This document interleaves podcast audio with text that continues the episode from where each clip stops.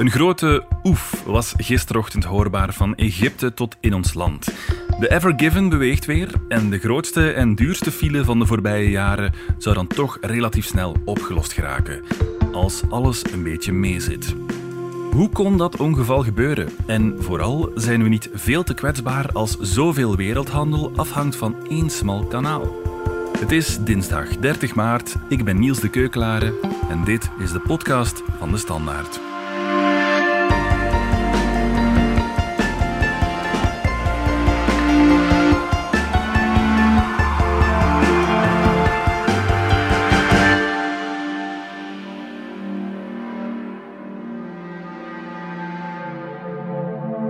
Nico Tange van onze economieredactie. Voor we naar de ramp zelf gaan kijken, kan je eens het belang schetsen van het Suezkanaal?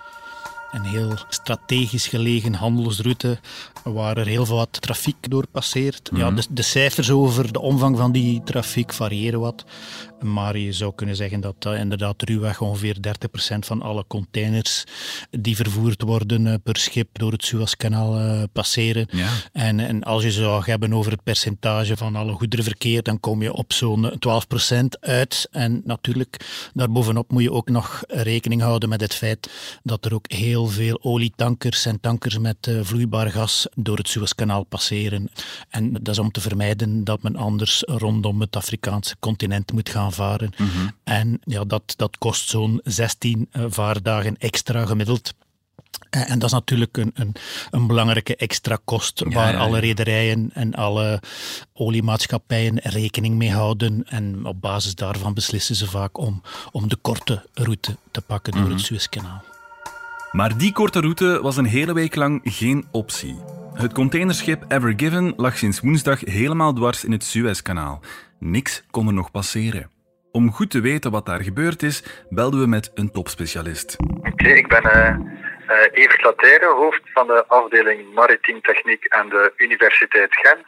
En in principe doen wij alles wat drijft. En onze expertise eh, gaat dan vooral over schepen die varen in ondiep en beperkt water. Dus eh, een schip wordt ontworpen om in diep water te varen.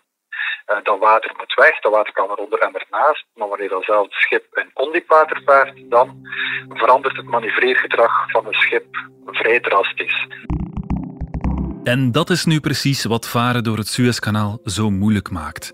Het kanaal is best smal en eigenlijk niet zo diep. 24 meter diep om precies te zijn.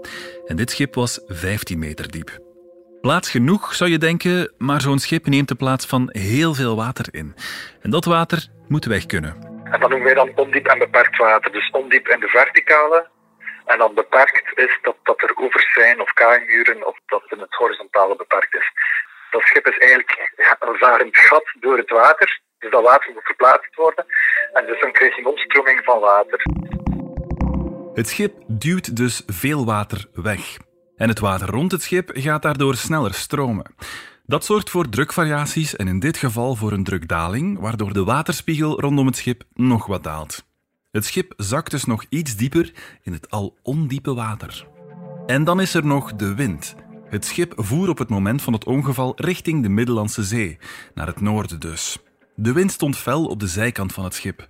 En bomvol geladen met containers, meters hoog gestapeld, vang je natuurlijk extra veel wind. Dat vertelt professor Latère. Het schip ging naar de Middellandse Zee, dus uh, had een koers naar het noorden. En de wind kwam vanuit het westen. Dus echt vol in de zij van dat schip. Dus dat schip moet een beetje richting het westen varen om uiteindelijk die wind te compenseren en naar het noorden te gaan. Zowat elke minuut wordt de exacte positie van een schip doorgegeven. Dankzij die informatie kunnen we nagaan hoe het schip exact voer. En dan valt professor Latère iets op. De snelheid was 12 tot 13 knoop, wat dat best snel is. Niks heel extreems, maar laten we het gewoon snel noemen. Um, eerst zat het schip een beetje aan het oosten, dan kwam het op een bepaald moment, vond ik, heel dicht naar de westelijke oever. Uh, of tegen de westelijke oever uh, uit. En op dat moment is volgens mij is, is, is, is de ramp eigenlijk al gebeurd. Op dat moment bevindt het schip zich te veel aan de westelijke kant, dus te dicht bij de westelijke oever.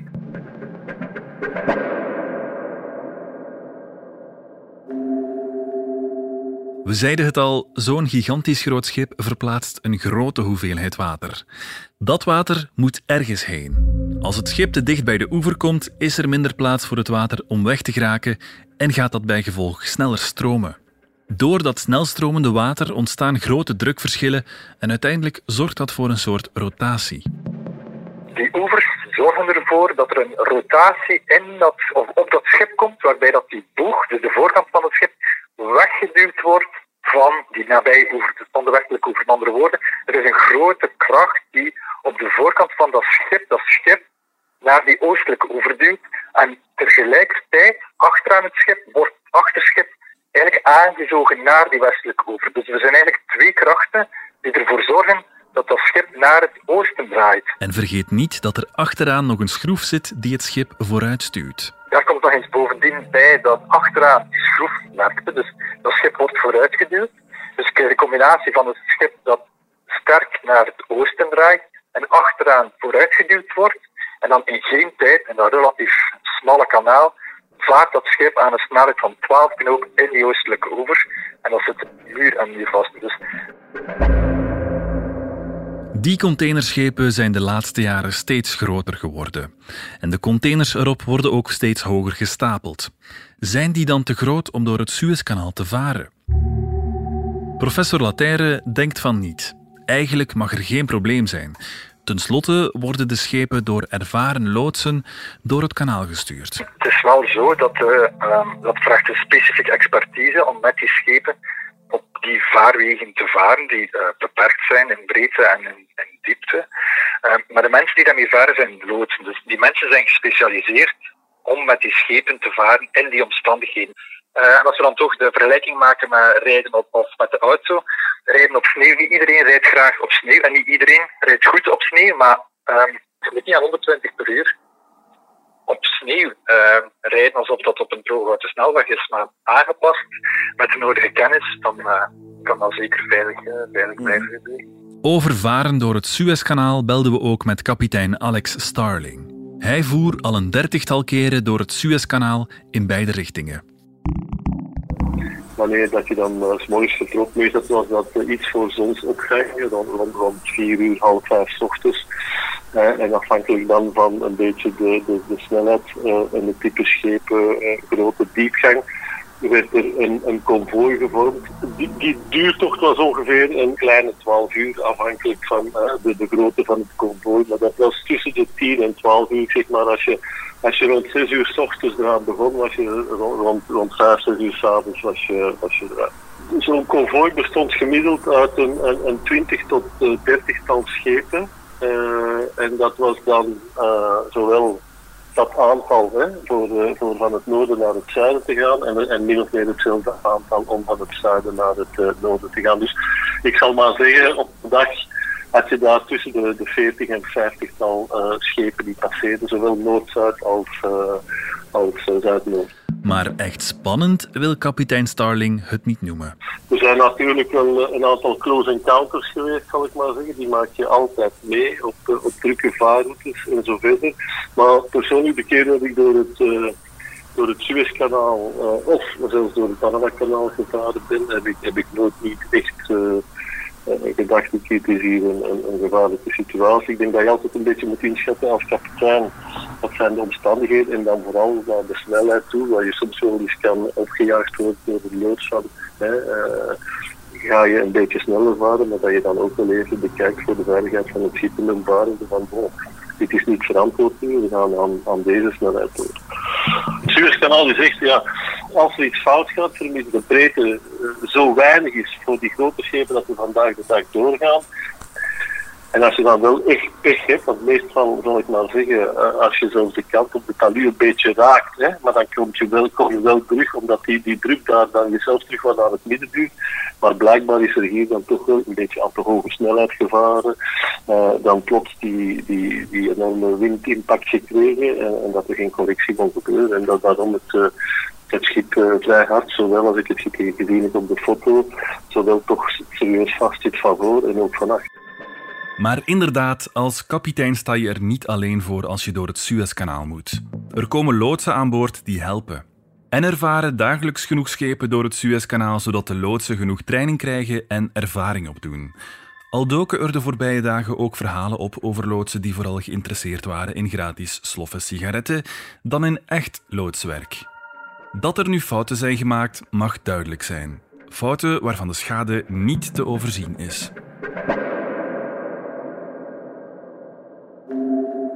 Ja, Nico, wat is de economische schade nu van deze blokkage? Wat we wel zien is dat er per dag gemiddeld zo'n 50 vrachtschepen door het Suezkanaal mm. varen. En ja, donderdagavond lagen er ongeveer 238 schepen aan beide kanten van het kanaal te wachten. Als je dan bijvoorbeeld kijkt uh, over hoeveel goederen die schepen transporteren, daar waren al schattingen van belangrijke scheepsvaart-expert Lloyds. Die schatten dat het woensdagavond al ging om minstens 10 miljard aan goederen die daar liggen te wachten. Mhm. Dat is natuurlijk een heel groot aantal. Mhm. Ja, gelukkig duurt de blokkade wellicht niet zo lang als in sommige worst-case scenario's werd beschreven. Hè? Ja, dan kunnen we ervan uitgaan dat de uiteindelijke schade voor de wereldhandel en de wereldeconomie eh, beperkt zal blijven. Dat is bijvoorbeeld ook de inschatting die Johanna Konings maakt. Dat is mm. de hoofdeconoom van eh, de Nederlandse bank ING. Ja. En ja, die baseert zich bijvoorbeeld ook op het feit dat er in 2004 en in 2014, toen ook al het Suezkanaal uh, vanwege een ongeluk met een groot vrachtschip uh, al enkele dagen is geblokkeerd geraakt. Mhm, mhm. Men heeft toen gezien dat daarna, ja, dat je dan eigenlijk moet rekening houden met een week extra vaartijd voor alle scheepvaartactiviteiten en ongeveer twee tot drie weken extra levertijd in de logistieke ketting daarna. Dat is allemaal behapbaar. Ja, Dat is niet zo dat we ons daar zware zorgen moeten over maken. Ja. Maar het had ook erger gekund, want stel u voor, in de vele gestrande schepen zaten niet alleen het boekje van Eva Mouton verpakt op weg van China naar hier. Fun en Dreamland hadden er speelgoed en tuinmeubelen vastzitten. Van Colruyt lagen er vochtige doekjes en kokosmelk te wachten. Ikea had 110 containers met gerief voor onder andere België op de gestrande mastodon zelf. En onze fietshandelaars kregen bericht over kettingen, cassettes en kledingstukken die vastzaten. Een doemscenario tekende zich af als het kanaal echt enkele weken zou geblokkeerd zitten. Nou ja, dan komen we natuurlijk in een heel ander verhaal terecht. En dat heeft natuurlijk te maken al met het feit dat er al heel veel problemen zijn met de containervaart op dit moment. Dat is een gevolg van de coronacrisis een, een jaar geleden. Op dat moment toen de hele wereld bijna in lockdown ging, werden heel wat schepen afgezegd. Uh, dus heel wat containers ook bleven leegstaan. Dat heeft er dan voor gezorgd dat op het moment dat de wereldhandel opnieuw aantrok, en dan vooral in China, dat er dan op dat moment al een grote vraag ontstond naar containers in China. Uh, containers die vaak leeg nog stonden in andere continenten, bijvoorbeeld in de Verenigde Staten. Mhm. Daardoor is dus niet alleen de vraag naar containers en naar schepen enorm toegenomen op korte termijn. Ook de prijzen voor vrachtvervoer zijn op korte tijd al verviervoudigd. Ja, ja. En eigenlijk hebben we op dit moment nog altijd de naweeën daarvan, want er zijn nu nog heel veel containerschepen die extra beladen worden, om dan nog altijd, en dan vooral denk ik in China, heel wat bedrijven een achterstand proberen goed te maken. Als daar dan daarbovenop nog een keer extra vertraging in de logistieke ketting komt, omdat het weken gaat duren vooraleer een aantal schepen met een lading in de havens terechtkomen.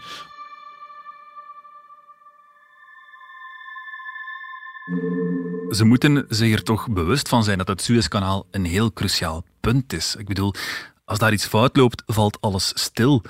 Wordt er werk gemaakt van een doorvaarroute op een andere plek met een ja, nieuw kanaal? Wel, um, er is geen andere optie natuurlijk. Hè. En het is net om die reden dat er zo'n zes jaar geleden, in 2015, 2014, 2015, dat het Egyptische regime onder leiding van generaal Al-Sisi mhm. Die hebben dan zes jaar geleden besloten om uh, het Suezkanaal verder uit te diepen.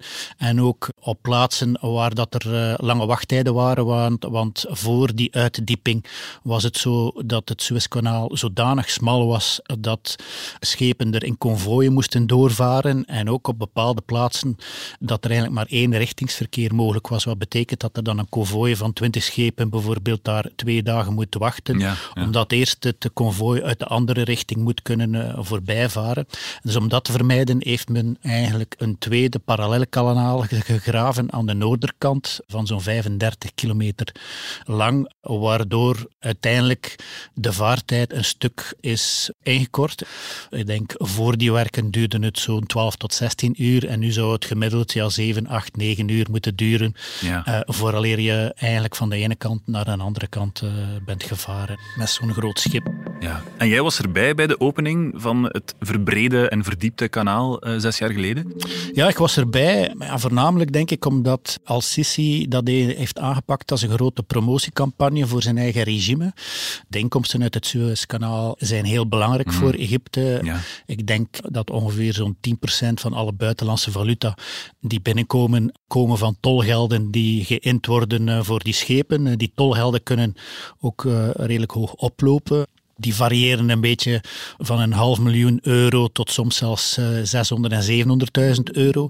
Alles hangt er een beetje van af van ja, hoe duur bijvoorbeeld de olieprijs is. Want als zo'n groot containerschip uiteindelijk ervoor kiest om niet door het Suezkanaal te varen en de omweg via Kaap de Goede Hoop eh, mhm. te nemen, dan kost dat al gauw zo'n 300.000 euro aan brandstof extra op dit moment. Maar natuurlijk, als de olieprijzen veel hoger staan, dan zal dat nog meer kosten.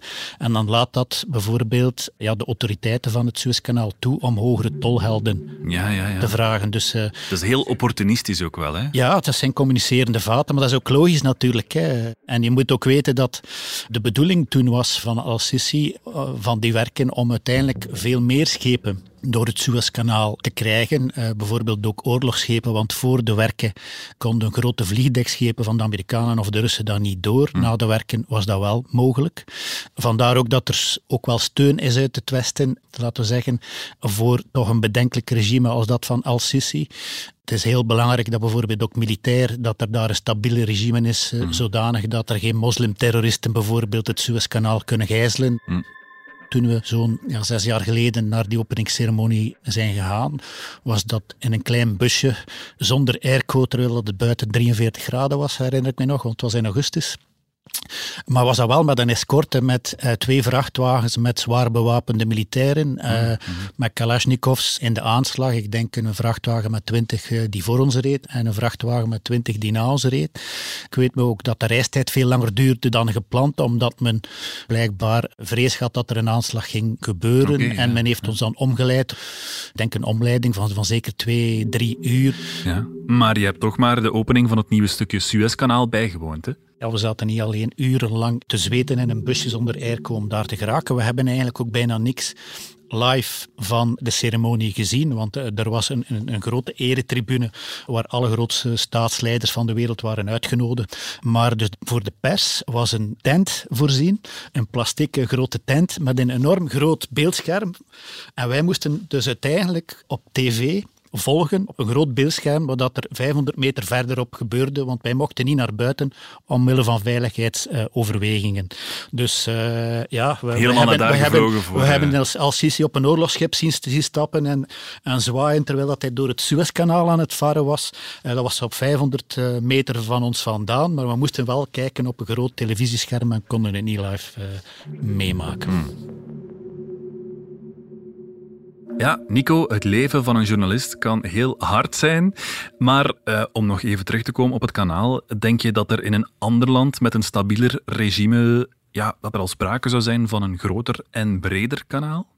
Goh, ik, ja, dat is moeilijk om op te antwoorden. En natuurlijk, Egypte is niet zo'n gigantisch rijk land. Dus mocht eh, die doorgang eh, ergens in West-Europa zijn, zou je kunnen veronderstellen dat er meer economische middelen zouden zijn om bijkomende kanalen nog te graven. Aan de andere kant herinner ik mij ook dat voor het graven van dat parallele kanaal, uh, dat er toch ook destijds heel wat commotie rond was, omdat er heel wat arme Egyptische boeren zijn onteigend zonder eigenlijk daar de compensatie te, okay, voor, ja, voor ja. te krijgen. En bovendien moet je ook uh, rekening mee houden dat omwille van ja, de dreiging van terreuraanslagen, dat al die graafwerken, dat daar uh, drie divisies soldaten met uh, het nodige materieel constant die graafwerken hebben bewaakt. Uh, waardoor dat uh, ja, de, de mensen van Deme en Jan de Nul, twee van de Belgische baggeraars die daar ook hebben meegewerkt aan het uitdiepen van dat kanaal dat die zeiden van ja, we hebben nog nooit in zo'n veilige werkomstandigheden gewerkt, want ja, er waren constant soldaten rond ons. Maar feit is wel dat dat militair regime gesteund wordt door het Westen, omdat het heel belangrijk is om in die regio stabiliteit te, mhm, te, mhm. hebben. Want die zal daar maar een regime hebben die bijvoorbeeld uh, zegt van we gaan het Suezkanaal gebruiken als drukkingsmiddel en we gaan het tijdelijk afsluiten om bepaalde zaken af te dwingen, uh, politiek. Um, ja, dat is natuurlijk een situatie die heel gevaarlijk zou zijn. Mhm. En dat is een van de redenen, zeker niet de enige reden, maar een van de redenen eh, waarom er eigenlijk op dat regime van Al-Sisi vanuit het Westen niet zodanig veel kritiek en niet mhm. zodanig veel druk is geweest tot nog toe. We moeten ook wel zien, eh, toen Al-Sisi besloten had om het eh, Suezkanaal verder uit te diepen, was het wel de bedoeling, zoals ik al zei, om het aantal schepen en het tolgeld te verdrievoudigen.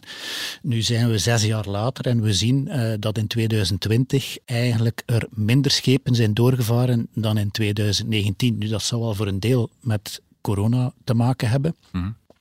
Maar toch, hij is totaal niet geslaagd in zijn voornemen om daar uiteindelijk veel meer inkomsten uit te halen. Ik herinner me ook nog dat er de bedoeling was om een aantal bedrijfsterreinen langs het uh, Suezkanaal te openen in de hoop daar bedrijven te gaan lokken die zich daar zouden gaan vestigen, omdat dat ook voor hen uh, logistiek uh, interessant zou kunnen zijn.